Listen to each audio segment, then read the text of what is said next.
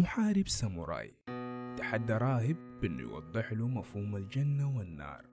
بنظرة ازدراء قال الراهب للمحارب أنت مجرد حثالة ما تستحق أني أضيع وقت الثمين في الحديث معك. المحارب طبيعي شعر بالإهانة لذا حب أنه يسترد اعتباره ويضرب الراهب بالسيف.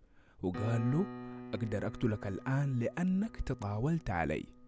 رد الراهب في هدوء هذه هي النار. المحارب تعجب من رد الراهب تعجب من وصفه لحالة الغضب اللي أصابته بأنها النار. لذا عدل عن قراره ورد السيف لغمده وحي الراهب هذه هي الجنة قال الراهب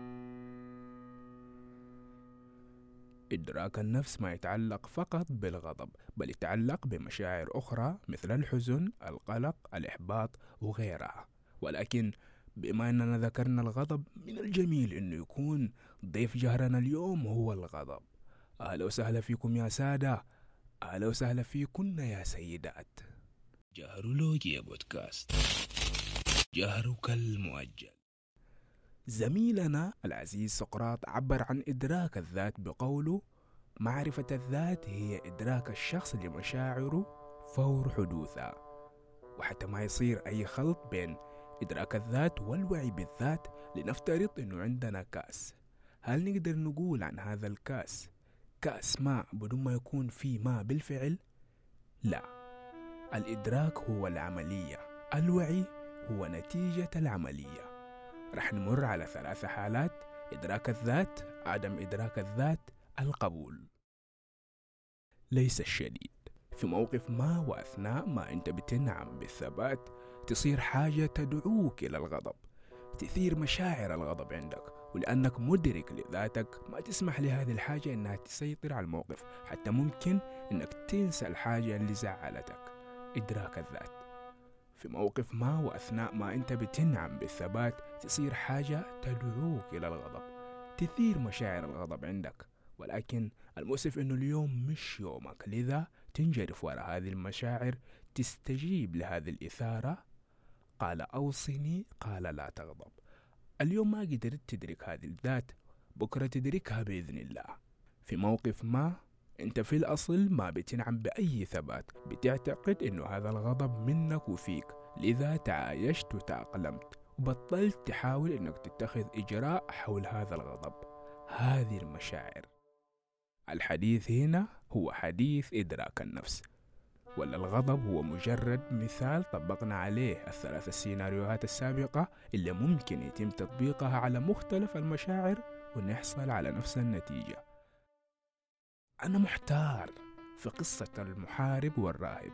من الأكثر حكمة فيهم؟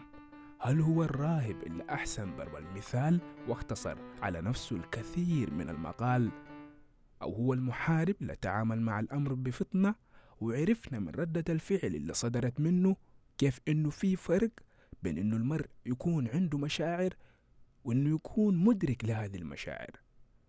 إذا الجميع يملك مشاعر ولكن المفارقة بينهم هي في إدراك هذه المشاعر. جميل جدا. كيف ممكن أدرك ذاتي؟ الإدراك اللي راح ينعكس على مشاعري وتصرفاتي. شيء تعرفه ولا يعرفه الآخرين شيء لا تعرفه ويعرفه الآخرين.